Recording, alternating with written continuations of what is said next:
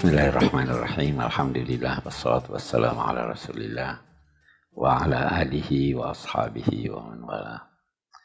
Bapak-bapak, ibu-ibu, saudara-saudara sekalian, Assalamualaikum warahmatullahi wabarakatuh. Kita sudah membahas rukun iman. Yang belum kita bahas itu adalah rukun iman yang keenam percaya pada takdir. Oke.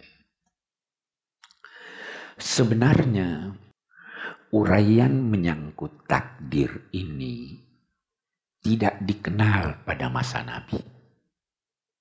Sebagaimana dibahas oleh filsuf-filsuf atau ahli-ahli ilmu kalam. Uh, para sahabat Nabi memahami takdir sebagai penyerahan diri pada Tuhan. Dan dalam arti penyerahan diri itu, mereka tidak bahas lagi apa sih takdir itu. Ada satu contoh yang paling bagus, itu eh, antara lain diperagakan oleh Sayyidina Umar. Sayyidina Umar tidak senang orang bicara takdir. Sebenarnya masa Nabi orang tidak bicara, masa Sayyidina Abu Bakar orang tidak bicara, pertengahan masa Sayyidina Umar sudah ada yang bicara takdir. Siapa yang bicara takdir di hadapan Sayyidina Umar? Sayyidina Umar marah. Bahkan kalau perlu dia cambuk. Ini persoalan tidak perlu dibahas. Itu sikap Sayyidina Umar. Beliau eh, memahami bahwa yang penting kita berusaha yang penting kita berusaha. Tidak usah bahas ini terpaksa atau tidak terpaksa. Yang penting kita berusaha. Karena itu sangat populer sewaktu ada wabah. Beliau akan ke Syam, ke Damaskus. Beliau batalkan. Tidak jadi. Sahabat Nabi yang lain Abu Ubaidah Ibnul Jarrah. Seorang panglima perang yang pandai mengatur siasat waktu itu bertanya, hei kamu lari dari takdir wahai Umar. Dia katakan, saya lari dari takdir menuju takdir yang lain. Nah, tetapi waktu beliau terbunuh, ditikam, beliau berkata, wakana qadarullahi qadaran makdura. Yang ditakdirkan Allah itu tidak bisa kita. Tidak bisa kita mengelak darinya. Coba lihat ya. Ya itu yang dinamai oleh ulama-ulama sikap berserah diri pada Allah. Berusaha dan setelah ada hasil, ya ini sudah takdirnya Tuhan. Jadi saya ingin beri gambaran, uh, Nabi dan sahabat-sahabat beliau itu tidak berbicara tentang takdir dalam arti tidak menjelaskannya, tidak mendiskusikannya dengan cara pendiskusian ulama-ulama al-kalam, ulama para teolog. Bahkan pernah suatu ketika dari kubur ini yang ini hadis diriwayatkan oleh Imam Muslim uh, bersumber dari Sayyidina Ali Nabi bersabda, tidak ada seorang pun di antara kamu kecuali telah diketahui oleh Allah di mana tempatnya, di sorga atau di neraka. Semua Allah sudah tahu di mana tempatnya, di sorga atau di neraka. Waktu Nabi menyampaikan itu, sahabat-sahabat bertanya, kalau begitu kita kita andalkan saja ini apa keputusan Tuhan. Semua kan sudah ditentukan. Nabi berkata, bisa jadi ada di antara kamu yang melakukan amal-amal yang dilakukan oleh orang-orang yang eh, eh, baik, tetapi pada akhir hidupnya dia melakukan amal buruk sehingga dia masuk neraka. Bisa juga sebaliknya. Sahabat berkata, kalau begitu kita udah kita tidak usah berusaha. Nabi bersabda lagi, ya malu. Kamu harus berusaha. Fakullum muyassarun lima khuliqala. Semua akan dipermudah untuk melakukan apa yang sesuai dengan pengetahuan Allah itu. Baru Nabi baca, فَأَمَّا مَنْ أَعْطَى وَاتَّقَى وَصَدَّقَ بِالْحُسْنَى فَسَنُيَسِّرُهُ لِلْيُسْرَى Siapa yang mau memberi dan dia percaya pada kalimat tauhid al-husna di situ artinya al-kalimat al-husna kalimat tauhid maka Allah akan mempermudah jalannya kita garis bawahi kalau dia percaya ini ini, ini. Tuhan mempermudah jalannya. Wa amma membakhila wastaghna. Adapun yang kikir, tidak mau percaya, dia juga dipermudah jalannya menuju ini. Waktu saya kuliah, ini yang kita pelajari. Syekh Abdul Halim Mahmud berkata, kalau kita baca hadis ini, awalnya seakan-akan faham fatalisme. Udah deh serahkan aja sama Tuhan. Tetapi akhirnya kita disuruh kerja. Kalau begitu pasti pekerjaan ini punya pengaruh terhadap sorga atau neraka. Betapapun saya ingin berkata bahwa pada masa Nabi dan sahabat-sahabat besar ini masalah tidak pernah dibahas soal percaya pada takdir. Memang Al-Quran berbicara tentang takdir. Nabi menjelaskan bahwa salah satu dari rukun iman itu antuk mina biqadarihi khairihi wa syarrihi. Kamu harus percaya adanya takdir Allah yang baik dan yang buruk. Harus percaya. Tapi apa takdir? Pandangan mereka. Kita tidak usah diskusikan apa itu. Yang penting kita percaya itu kalau sudah terjadi. Dan sebelum terjadinya kita usaha. Oke, itu sikap eh, sahabat.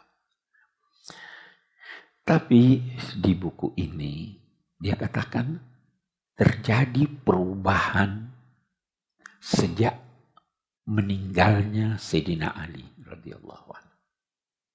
Perubahan total. Terjadi perubahan sejak berkuasanya Muawiyah. Kita tahu dalam sejarah itu dikatakan bahwa kekhalifaan yang direstui Allah itu adalah empat khalifah Sayyidina Abu Bakar, Sayyidina Umar, Sayyidina Utsman, Sayyidina Ali ini. Sesudah itu tidak ada lagi kekhalifaan. Yang ada kerajaan. Itu mulai dari Muawiyah. Itu sudah kerajaan. Oke. Baik. Memang dalam sejarah terjadi konflik antara Sayyidina Ali dengan Muawiyah. Pada akhirnya, saya pernah jelaskan panjang lebar ini, pada akhirnya setelah Sayyidina Ali terbunuh, Sayyidina Al-Hasan tidak ingin terjadi perpecahan dalam masyarakat, tidak ingin terjadi bunuh-membunuh, maka apa katanya? Saya tidak menuntut lagi. Saya ingin mengakui Muawiyah sebagai khalifah dengan syarat-syarat ini. Cara lain, jangan jadikan anakmu sebagai penerus. Karena itu kerajaan namanya. Ada orang-orang tentu yang tidak senang dengan itu. Karena sistemnya sistem kerajaan. Maka terjadi kezaliman-kezaliman dalam masyarakat. Nah, ketika itu penguasa Umayyah ingin menggambarkan pada masyarakat bahwa apa yang terjadi ini diizinkan dan direstui Allah karena itulah takdirnya. Itu Sayyidina Ali terbunuh takdir Allah. Muawiyah jadi khalifah itu takdir Allah. Tetapi dia artikan takdir Allah itu bukan sebagai izin Allah, tetapi restu Allah.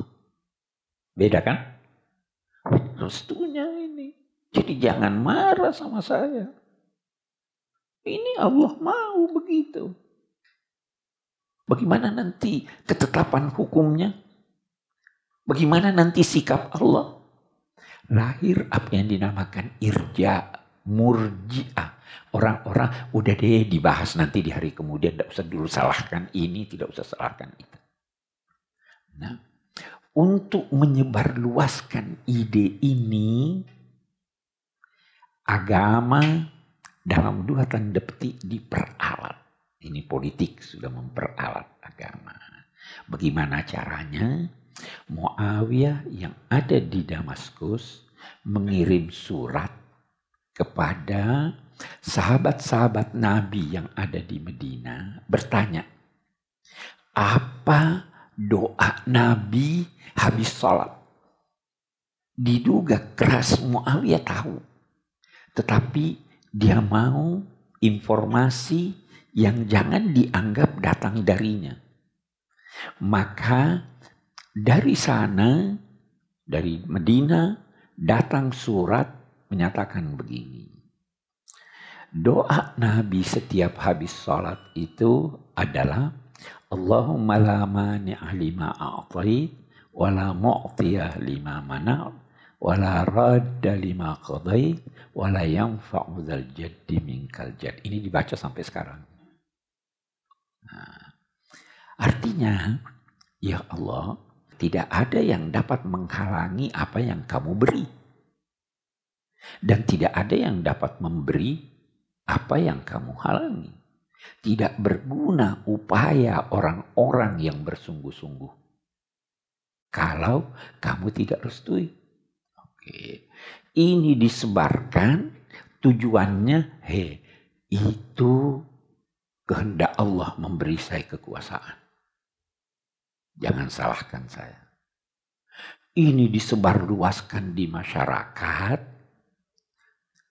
Tentu saja ada orang yang tidak senang melihat eh, penyelewengan, penganiayaan yang terjadi dalam masyarakat oleh penguasa ketika itu berkata tidak ada takdir. Ini semua tanggung jawab manusia. Ya kan? Jadi ini sikap ekstrim juga. Tidak ada takdir. Itu orang yang pertama berkata begitu Ma'badil Juhani. Orang tabi'in yang sangat-sangat uh, terpercaya. Hati nuraninya tidak mengizinkan dia untuk menyatakan bahwa kezaliman yang dilakukan oleh siapa pun itu restu Allah. Tetapi karena pandangan ini tadi berkata itu semua takdir Allah. Tidak bisa dia katakan tidak ada takdir. Manusia bebas. Orang ini Ma'bad dibunuh. Tapi kelihatannya dia terbunuh bukan karena pandangan tentang takdir bahwa tidak ada takdir. Tetapi karena itu berbau menentang politik pemerintah. Ya kan? dari dulu itu ada. Tersebar ini tidak ada takdir tidak ada takdir. Ini bilang takdir ini bilang takdir. Dalam perjalanannya lahir lagi satu orang dia berkata begini, masa tidak ada takdir? Masa manusia bebas melakukan apa saja yang dia kehendaki? Maka dia berkata, takdir ada. Bertolak belakang dengan ini tadi. Inilah faham, inilah nanti yang berkembang lebih jauh dalam masyarakat sehingga ada faham fatalisme semua ditentukan oleh Allah. Ada faham eh, eh, eh, qadariyah yang menyatakan manusia bebas menentukan segala sesuatu. Yang berkata manusia bebas melakukan segala sesuatu terasa oleh satu pihak bahwa ini menyita sebagian kuasa Tuhan. Ya kan? Oh bebas, mana Tuhan? Yang berkata bahwa manusia ini ditentukan oleh Tuhan segalanya itu berkata kalau begitu kenapa kita disiksa? Ya kan? Nah dalam perkembangannya lebih jauh dalam masyarakat dalam perkembangannya dalam masyarakat masing-masing mencari pembenaran dari ayat Quran dan hadis yang berkata bebas manusia bebas itu misalnya berpegang man sya'a yu'min wa man sya'a yakfur. Siapa mau beriman silahkan beriman, siapa yang mau kafir silahkan kafir. Ini Anda bebas. Yang berkata manusia tidak bebas, dia baca ayat wa mata sya'una illa ayyasha Allah. Kamu tidak bisa berkehendak kecuali dikehendaki oleh Allah. Oh ini kita tidak bisa apa-apa nih yang berkata bahwa eh, manusia tidak punya kemampuan, dia baca ayat Wallahu khalaqakum wa ma ta'malun. Allah menciptakan kamu dan diartikan dan apa yang kamu kerjakan itu Allah ciptakan. Jadi masing-masing cari ayat. Lahir satu tokoh namanya Abul Hasan Al-Ash'ari ini nanti menjadi akidah Asy'ariyah. Akidah Asy'ariyah ini jalan tengah. Tapi walaupun demikian, ada ulama-ulama yang tidak setuju. Itu Ibnu Taimiyah itu mengkafirkan ini sampai sekarang. Dalam sisi keagamaan semua punya eh, eh, pandangan yang berbeda-beda. Abu Hasan al-Ash'ari berupaya mencari jalan tengah Jalan tengahnya itu dinamai kasem. Kasem, usaha. Baik, mari kita lihat. Memang ada hal-hal yang dilakukan oleh manusia di mana hal itu tidak dalam kontrolnya. Ada orang gemetar. Ya kan? Gemetar itu dia kuasai dirinya untuk gemetar. Di luar kontrol.